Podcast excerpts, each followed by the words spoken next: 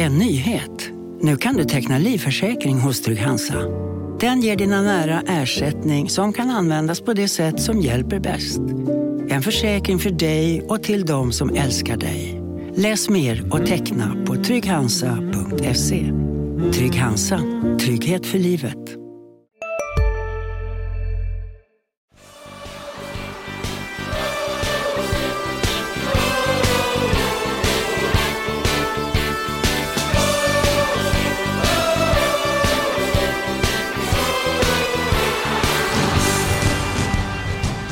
Trendbrottet, nyförvärvets succédebut, experimentet i U21-matchen, de två tuffa nötterna att knäcka på bortaplan, formationsskiftet. Det är några av punkterna som vi ska ta upp i dagens avsnitt av Landskrona Boys-podden. Jag, Erik Persson, sitter här. Du, Sebastian Rönnström, sitter också här. Så är det, som, eh, som vanligt. Eh, nej, men det var ju eh, en på många sätt viktig match för boys här i, i måndags eh, som vi var och bevakade på Landskrona IP eh, mot Örgryte. Två lag som börjat säsongen eh, tufft. Eh, Örgryte stod på en, en poäng och, och boys på noll. Så eh, två lag med, med förhoppningar om att eh, vara långt ifrån bottenstriden så sett på förhand. Eh, så eh, boys seger i den här matchen eh, var ju tung på, eh, på många sätt och vis. Eh, och lika tung var ju då förlusten för Örgryte. Ja, vid 21-tiden i måndags så stod eh, boys-laget och hoppade framför engelska läktaren medan Örgryte-laget blev utskällt av eh, borta-anhängarna. Den här matchen, ja det blev ju en drömstart för boys. Gjorde mål efter mindre än två minuter. Adam Egnell. Eh, sen gjorde Adam Magnell 2-0 i 39 minuten och precis innan halvtidsvilan fyllde Erik Persson på till 3-0 med en nick. Sen så blev det, eh, kanske inte en scenförändring, det är kanske att överdriva för Örgryte hade ju en hel del boll i första halvlek också. Det var inte så att prestationen från Boys sida var helt otrolig första 45. Men sen andra så, så eh, kom de ju väldigt nära eh, en kvittering och det var nervöst på Landskrona IP. Ja, nej, men som du är inne på där, första halvlek, alltså det är ju inte ett resultat som speglar den halvleken. 3-0. Boys var ju väldigt effektiva, eh, tillvara på sina chanser. Eh, samtidigt då som Örgryte skapade eh, ja, men ganska många heta målchanser, var ju nära ett friläge från Hampus Dahlqvist och en tilltrasslad eh, situation på hörna där Amokadora gjorde en eh, dubbel, om inte till och med trippelräddning. Eh, så Boys var ju, var ju tillbaka tryckt och pressat stundtals även i första halvlek. Men sett till hur, att de hade 3-0-ledningen och att Örgryte inte hade något att förlora i andra halvlek så var det väl naturligt att matchbilden svängde över lite åt Örgryte. Men eh, 3-0 eh, i paus eh, borde ju inte sluta i den eh, stressen som det ändå blev mot eh, slutet. Vad tar du framförallt med dig från den här kvällen på, på Landskrona IP vad gäller individuella eh, prestationer eh, i boyströjan? Ja men eh, som jag nämnde där, Amor Kadura gör ju eh, en jättebra match. och gör ju och matchavgörande räddningar ja, men redan i kanske i första halvlek men också mot eh, slutet. han var ju kritiserad eh, stora delar av förra säsongen och gjorde matchavgörande insatser då, fast ur negativ bemärkelse. Så här, eh, han har, nu, nu har Borg släppt in en hel del mål, men de ska ju inte han lastas för. Och det är ganska intressant, för, för de han, har släppt in en hel del mål, men det känns ändå som att det är ganska givet att Amon Kadura har varit deras bästa spelare i Superettan-inledningen. Det har inte varit någon jättekonkurrens där, eh, tycker jag i alla fall. Nej, jag, jag håller honom högst upp. Ja, det gör jag också. Han har eh, verkligen hittills bevisat eh, tvivlarna eh, att, eh, att han är en, eh, en bra målvakt. Eh, så det är väldigt skönt, eh, säkert för honom personligen och också för Boys att känna att man, eh, man kan lita på sin sista utpost. Sen ska vi komma ihåg att Amokadora var bra under våren förra året också. Sen vände det liksom andra halvan. Så att det gäller ju att leverera eh, hela säsongen. Nu har det inte gått så många matcher så att vi, vi får ju eh, fortsätta att se hur det här artar sig. Men han har ju han har börjat bra i alla fall. Men nio insläppta mål, vad, vad säger det om laget och att, att deras målvakt ändå har varit bra i flera matcher? Så har man släppt in nio mål på fyra matcher. Ja, och många mål har liksom tillkommit in i, i eget straffområde också. Eh, man har inte varit tillräckligt skärpt i, eh, i många situationer. Eh, eh, Östermatchen där i premiären var ju ett exempel. Skövde var en konstig eh, typ av match, men där lyckades man inte heller eh, hålla tätt. Och sen mot eh, AFC Eskilstuna där, eh, som vi pratade om, om förra veckan, så de här målen nu sist, det första kommer, det är ett lågt inlägg från höger som Sargon Abraham får peta in.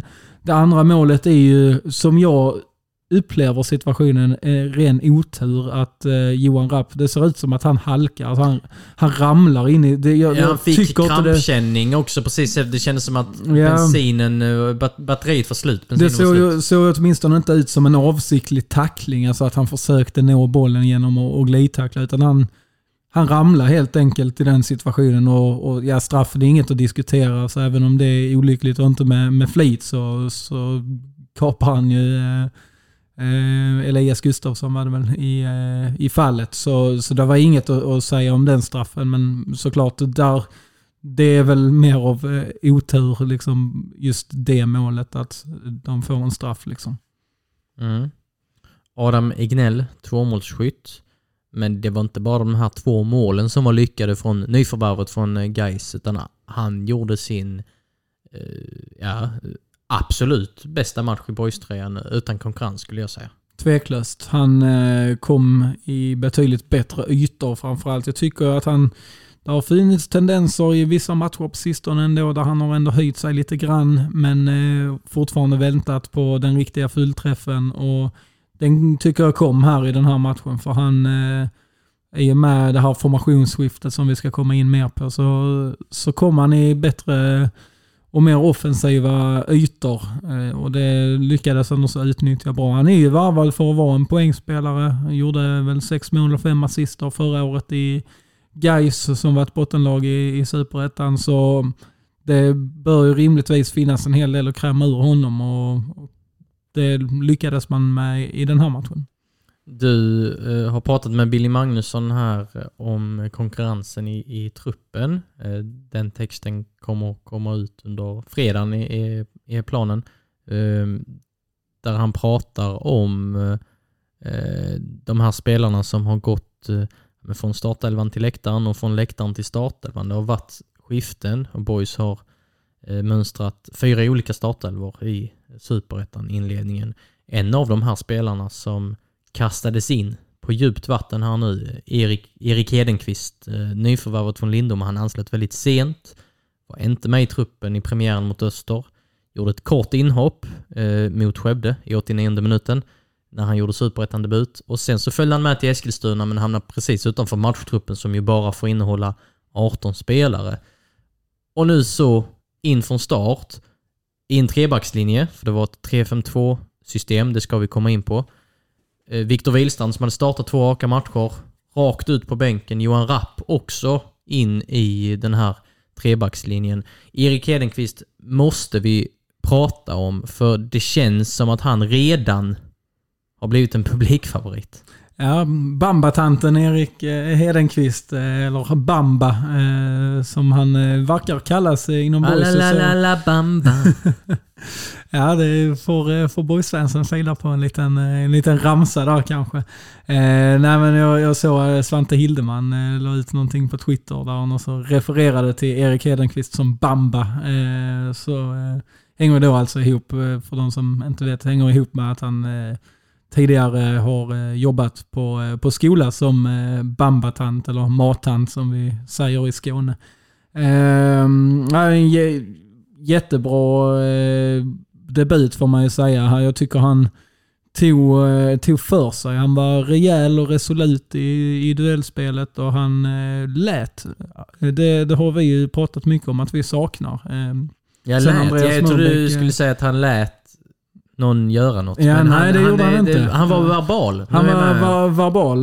Det, han hördes, får man säga då, över, över planen tycker jag.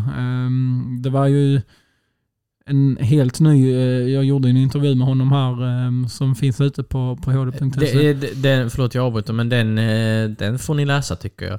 Eh, Rubriken är Medi Meditation och böcker hjälper boysbacken. Har hittat rätt. Han pratar bland annat om att han har snöat in eh, Eh, mycket på vem han är som människa. Att han eh, sitter mycket på kammaren och, och klurar och tänker. Det är några, eller ja, alla citat är eh, ruggigt givande. Ja, det, men, det är en eh, väldigt bra intervju tycker jag. En, eh, ett intressant eh, nyförvärv även på, på det liksom, mänskliga planet då som, som Boys har fått in. Men, ja, men det, som sagt, det vi, vi har pratat om en hel del eh, har ju handlat om avsaknaden av Andreas Murbäcks ledaregenskaper. Det här att synas och höras på planen. Och där tyckte jag väl att man såg lite av de tendenserna hos Erik Edenqvist i den här matchen. Han, fast att det var en helt ny upplevelse för honom att kliva ut i en superettan-match och med lite publik på läktaren. Och, eh, alltså mer än vad, vad det har varit när han har spelat i ettan i Lindom och Utsikten där det väl är de närmast sörjande som, som bryr sig. Så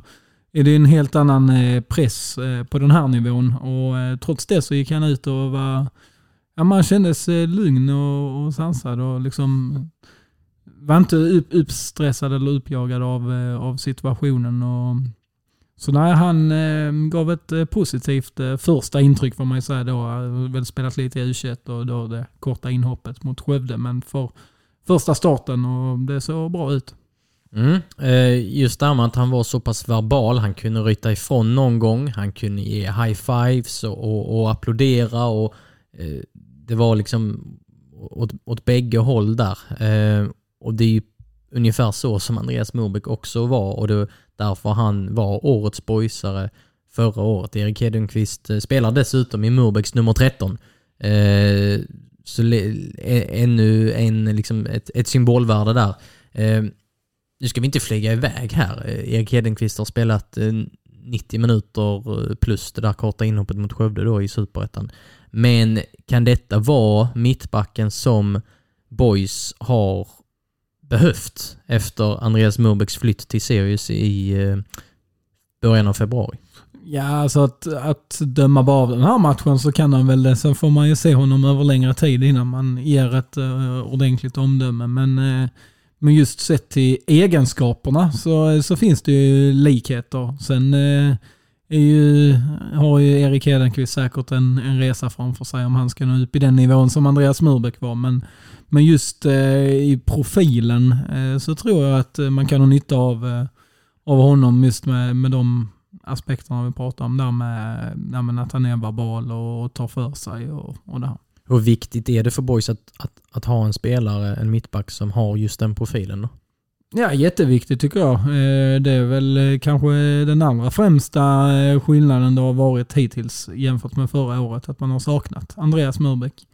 Det tar man de tre första superettan-matcherna här med förlusterna så är det ju mycket som inte har funkat i spelet. Men den här kravställaren och, och någon som kan ryta ifrån men samtidigt också ge positiv eh, feedback. Eh, det, det, tycker jag har saknats i laget. Så eh, det behöver man få in någon som kan bidra med.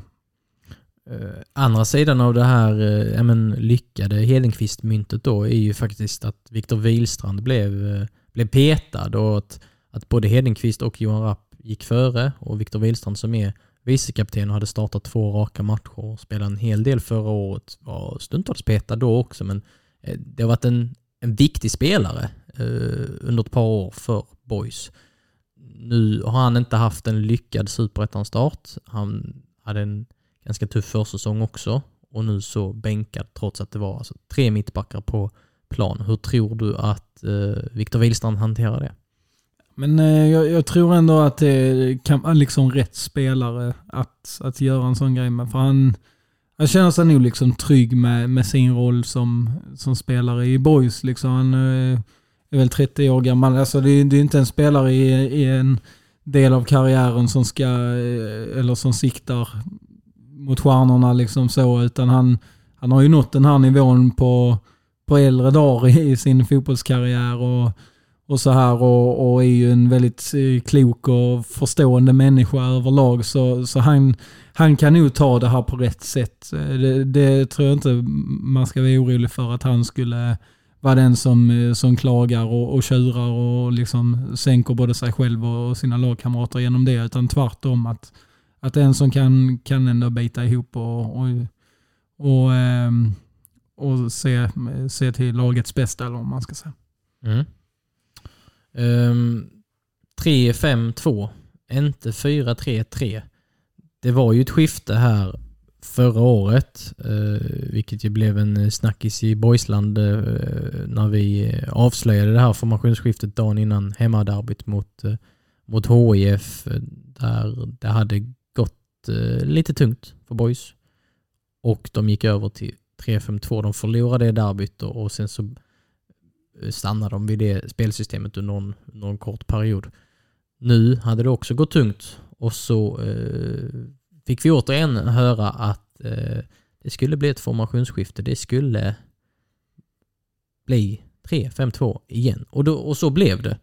Eh, hur reagerade du när du fick höra och när du fick... Synoptik här! Visste du att solens UV-strålar kan vara skadliga och åldra dina ögon i förtid? Kom in till oss så hjälper vi dig att hitta rätt solglasögon som skyddar dina ögon. Välkommen till Synoptik. Dagens vinnarprognos från Postkodlotteriet. Postnummer 65209, klart till halvklart och chans till vinst. 41101, avtagande dimma med vinstmöjlighet i sikte. Övriga 10 500 postnummer soligt och möjlighet att vinna. Oavsett när sommaren kommer till dig så kan du och dina grannar få dela på 48 miljoner i sommaryran. Ta chansen nu i maj på Postkodlotteriet.se. Åldersgräns 18 år. Kontakta stödlinjen om du eller någon anhörig spelar för mycket. Se eh, att de här uppgifterna stämde. Eh, att eh, nej, det blev ett, eh, ett systemskifte. Ja, det är alltid intressant när, när boys gör det. För man, i 99 fall av 100 så håller man ju väldigt hårt i det här 4-3-3 systemet. Och man har också varvat in spelare direkt eh, liksom, som ska liksom passa in i det här. Jag tänker på en sån som Robin Sabic har väl kanske ingen naturlig roll i ett 3-5-2 system. Men han har inte kommit igång. Eh, och någonting eh, behövde man göra för, för att skruva på det och, och få igång ja, men offensiven framförallt kanske då, eh, men också staga upp försvarsspelet. Eh, och då, eh, då följer han lite alltså, bort ur ekvationen kanske så sett. Men, eh, men eh, jag tycker att det gav eh, bra effekter för boys. Eh, eh, som vi var inne på, Adam Egnell kom ju upp och det, det blev ju succé liksom. Eh, Erik Persson som jag ändå tycker har liksom Även om understödet till honom kanske har varit sådär i de andra matcherna så tycker jag ändå att han har ja, men försökt och ändå varit någon form av gett någon form av formbesked i de matcherna han har fått spela. Nu så var han ju petad då mot AFC Eskilstuna men tillbaka i startelvan. Han och Linus R. Olsson kom eh, mer till sin rätt när de spelade tillsammans där uppe. Jag tycker också pressspelet funkar bättre för nu kunde de två synka ihop på ett annat sätt. Eh, och de kunde också ja, men kombinera sig eh, eh, fram på ett bättre sätt. Och man fick upp Melker Hej gör ett steg i plan. Man fick även upp Filip Ottosson. Alltså hela mittfältet kändes ja, som Filip Ottosson slog assisten till ja, 3-0 målet exempelvis. Hela, hela mittfältet kom ett steg högre upp och det är kanske också ett resultat att man då har tre backar Eh, Eh, att det finns en, eh, mer av en trygghet liksom bakåt. Eh, att man kan flytta fram positionerna lite så. Enda, enda så jag, jag fastnar lite för som kanske kan kopplas lite så till formationsbytet var väl i, främst i första halvlek när Örgryte anföll väldigt mycket på Boys vänsterkant. Edvin Dahlqvist låg ju väldigt högt upp. Det gör han ju förvisso även när, när det är ett 4-3-3. Men där i den ytan mellan honom som wingback och eh, Johan Rapp eh, som vänster mittback eh, i den här trebackslinjen. Eh, där sårade Örgryte Boys eh, utan att då göra mål, men det var där man ofta hittade in i första halvlek. Mm. Men eh, Robin Sabic, eh, värvad som eh, ytterforward, det är där han har spelat till höger under, för, ja, fick mycket speltid under försäsongen startat i de tre inledande eh, superettan-matcherna och eh, vi kategoriserar ju honom som en prestigevärvning eh, efter hans eh, ja, men, glimtar i superettan förra året där han var ja, men, bra stundtals. Hur, hur, hur ska han kunna komma in i det här systemet? Han kom in som forward nu mot Örgryte och hade det ärligt talat tufft. Speciell matchbild också, men, men han, ja, han och Diawara eh, lyckades ju inte nyttja de ytorna som fanns i kontringslägen och så vidare. Eh, och sen så eh, spelar han ju som, som innermittfältare, som, som åtta i u matchen dagen därpå. Var skulle du stoppa in Robin Sabic i det här spelsystemet om Boys ska fortsätta eh, med den här modellen? Mm, intressant. Jag, jag är inte helt övertygad om att man kommer köra liksom 3-5-2 i, i alla matcher här, även om det, det kommer funka eh, bra. Alltså, det, jag tror nog man vill ha en, en viss flexibilitet och att 4-3-3 fortfarande är, är grunden till, i det hela. Men det är intressant just ur eh, Robin Sabic perspektiv, för där är ingen roll som naturligt passar honom i det. Eh, när han ofta utgår liksom från kanten.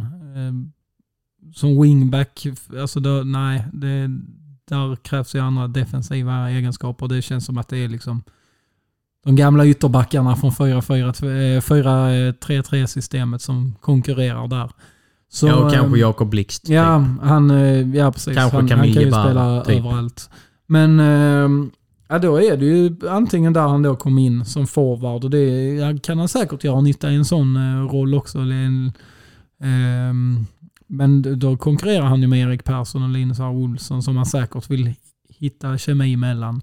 Och sen på mittfältet blir det också tufft. Eh, Filip Ottosson är ju, är given där i den lite mer defensiva rollen och som Elko Heijer som man tror väldigt mycket på, som man måste fortsätta tro på och ge chansen även om han inte har blixtra till en i Superettan. Och så då Adam Egnell som, som lyfte väldigt mycket av det här eh, formationsbytet. Så det, ja, det, det kan bli tufft för Robin Sabic om han, om han inte, eh, om han då fortsätter med 3-5-2. Apropå nya positioner i ett, eh, ja men, eh, något sån här nytt spelsystem då. Emil Jönsson startade mot AFC Eskilstuna som eh, mittfältare. Eh, spelade inte, eller ja, han hoppade väl in mot Örgryte. Eller han hoppade in mot Örgryte. Eh, och dagen efter så dök han upp som mittback i det här 3-5-2 systemet i U21-matchen. Du har hela U21-elvan. Eh, du har pratat lite med, eller du har pratat med Billy Magnusson om, eh, om Emil Jönsson och, och, lite kopplat till den här eh, U21-matchen. Är det en eh, omskolning på G här eller slår man för hårt på trumman om man, om man hävdar det? Eh, jag har svårt att se att Emil Jönsson ska spela i en trebackslinje i Superettan. Det, jag tror, jag, jag har svårt att se det framför mig. Men eh, Billy Magnusson eh, sa faktiskt eh, så här eh, om, om honom just eh, i den här trebackslinjen. Det kan, eh, citera honom här nu alltså. Det kan kanske passa. Han har jobbat lite grann där i veckan. När vi spelar tre där blir det nästan som våra åttor i speluppbyggnaden många gånger. Han är aktuell där och han är aktuell på andra platser. Det kan vara någon annan mittfältare som hamnar där också, förutom mittbackarna. Alltså i den här trebackslinjen. Mm. Och han spelade i den trebackslinjen i, i u mötet med Öster, förlust 2-0, tillsammans med Viktor Wihlstrand och William Ondrejka. Svante Hildeman stod i mål. Jakob Blixt och Alexander Tkac var eh, så kallade wingbacks och sen ett eh, mittfält då med Robin Sarbic som vi pratade om, eh, Nikola Ladan och eh, Alan Smajic och sen var det Kamil Jebara och Osmane Diawara på topp.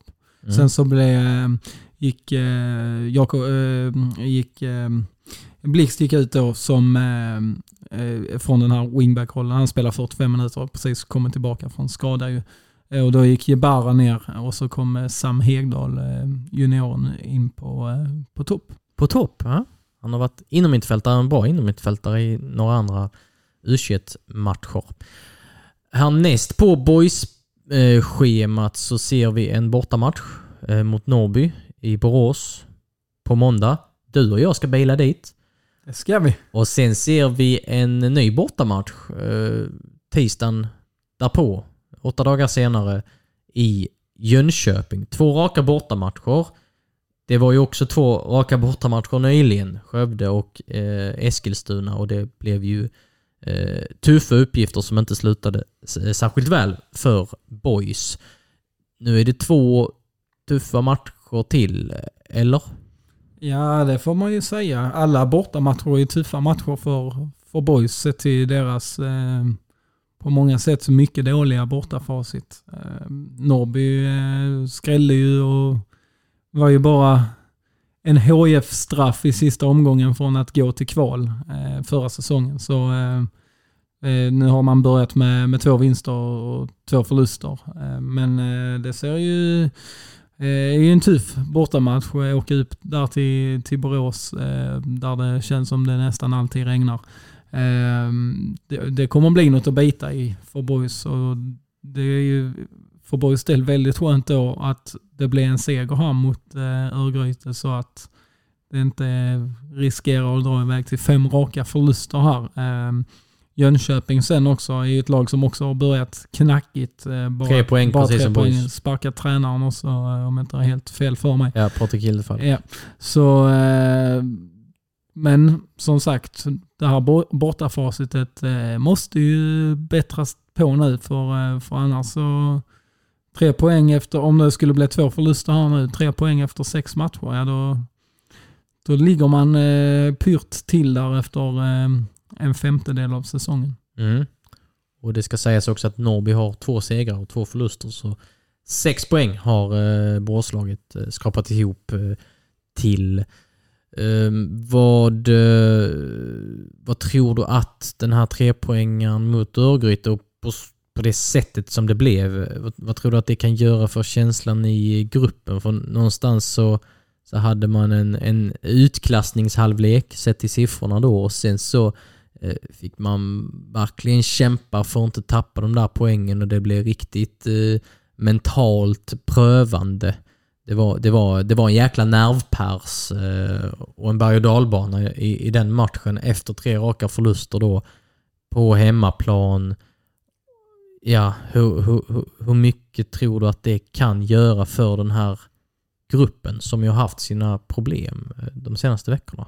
Ja, men jag tror att det, det kan ha gjort boys gott den här andra halvleken. Att man också märker att fast man leder med 3-0, det går inte att slappna av. För, uh... Lite väckarklocka, ja, men så då, nästan bättre än om de hade utökat till 4-0 och kan, hade blivit en kanske, promenad i parken. Alltså det låter kanske dumt att säga så, men kanske ändå. För uh, just det som du säger, en, en väckarklocka. att Ja, uh, man ska, alltså bara för man har 3-0 kan man inte tro att allt löser sig. för för lägstanivån är fortfarande låg eh, i det här laget eh, sett till, eh, till inledningen av säsongen. Så att, eh, att man kommer därifrån med, med tre poäng och att man lyckas knyta ihop säcken, det tror jag gör väldigt mycket för moralen i laget. Att man verkligen eh, fick det här kvittot på att ja, men de, man kämpar som ett lag och, eh, och verkligen gav allt och så, och så fick man de där tre poängen. Det, det tror jag att man kan lyfta av. Fyra olika startelvor på fyra matcher. Hur kommer det se ut i den femte matchen tror du? Nu är det alltså, några dagar kvar ska vi säga. Det kan, ja. hända, det kan hända grejer men här och nu när vi sitter i den här poddstudion, vad tror du? Som jag brukar säga med, med boys, jag tycker det är svårt att ta ut eh, en startelva. Det är inte, det är inte allt för sällan det dyker upp någon liten överraskning och så här. Men eh, jag hade nog, eh, om jag fått välja hade jag kört på samma startelva som, som senast. Jag sitter här och tänker. Eh, det hade jag eh, nog också. Eh, det känns, ja, det skulle väl vara kanske Alexander Tekac. Det känns som det är 50-50 mellan honom och, Edvin Dahlqvist. Där kan, där kan, där kan det nog räcka med en, en bättre eller en sämre träning åt ett eller annat håll och så, och så pekar det åt, åt antingen Tekac eller Dahlqvist. Men i övrigt så, ja, Hedenqvist ska ju fortsätta. Jag tycker Johan Rapp eh, har mycket i sig. Det var långt ifrån en perfekt insats mot Örgryte, men det känns som att han kan komma i intressanta ytor i den här trebackslinjen där han kan driva boll och, och, och bryta lite mönster. Filip Andersson hade ärligt talat en tuff match mot Örgryte. Det, det, det var lite märkliga beslut ibland. Sen är han kapten och han var bra under försäsongen så att eh, han, eh, han kommer såklart inte bli petad nu. Eh, det, det finns väl inte på kartan. Nej, det, det, nej, det Nej, tror jag inte. nej. Och sen mittfältet eh, finns ingen anledning att, att röra när jag tycker att ja, men, både Egnell och Filip Ottosson gjorde sina bästa superettan-matcher. Ja, och men Heijer visar ändå mer positiva tendenser än tidigare. Precis, och det finns ju så mycket mer. mer, hos Melker Heijer som du var inne på innan att, att eh, ja, men, ha tålamod med honom så kan du ju nå, eh, nå väldigt höga höjder. Eh, Erik Persson tar ju sina chanser. Nu gjorde han 1 plus 1 och, och eh, det vore konstigt om han skulle bli petad igen. Och Linus R. Olsson verkar man ju någonstans ha som, som etta bland sina forwards för det är han som har fått eh, mest förtroende av alla. Att, eh, Ja, och gjorde det bra nu senast. Och så var ju, låg ju bakom ett mål eh, där eh, 2-0 målet, inlägget eh, från vänster. Ja, vi får eh, se eh, hur ta några det ord om, eh, om själva liksom, tabellen i Superettan? Eh, tycker jag ändå är lite intressant att se, se toppstriden. Eh, Förra året pratade vi väldigt mycket om att det var skrällarna Superettan. Då var det ju nykomlingen Boys, det var nykomlingen Värnamo, det var tippade bottenlaget Norrby som låg i toppen. Nu, nu är det en topptrio med AFC Eskilstuna, Skövde och Brage. Förvisso bara efter fyra omgångar så vi ska inte eh, slå på några trummor så. Men jag, jag tycker det är lite intressant att, att det är just de tre lagen. Det är, Halmstad finns ju där bakom men, eh, men det är ju inte de. Det är ju tre lag som, man, som i alla fall jag hade i, i bottenskiktet av tabellen som har sprattlat till och gjort det bra här i inledningen. Ja, och Örgryte, jumbo, hårdsatsande eh, Örgryte. Så att eh, Boys skapade ju någonstans en, en annan kris istället för att hamna där själva. Så, så eh, skapar de en kris i Göteborgsland. Eh, ÖIS har det tufft medan det är lite mer medvind eh, i Boysland inför eh, avresan eh, till Borås på måndag. Som sagt, du och jag, vi bilar upp till Borås och bevakar matchen på plats. Följ oss på hd.se och i papperstidningen. Vi skriver en hel del om boys såklart. Vi följer det här laget noggrant. Med de orden så säger vi tack och hej eh, för det här avsnittet och så eh, hörs vi vad det lider. Tack!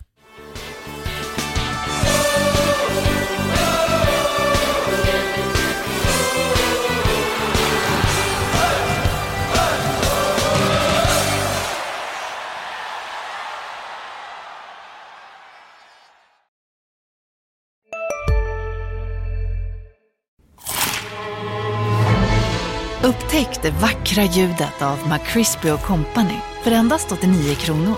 En riktigt krispig upplevelse. För ett ännu godare McDonalds. På Sveriges största jackpot-kasino går hypermiljonen på högvarv. Från Malmö i söder till Kiruna i norr har hypermiljonen genererat över 130 miljoner exklusivt till våra spelare. Välkommen in till Sveriges största jackpot-kasino, hyper.com. 18 plus, regler och villkor gäller.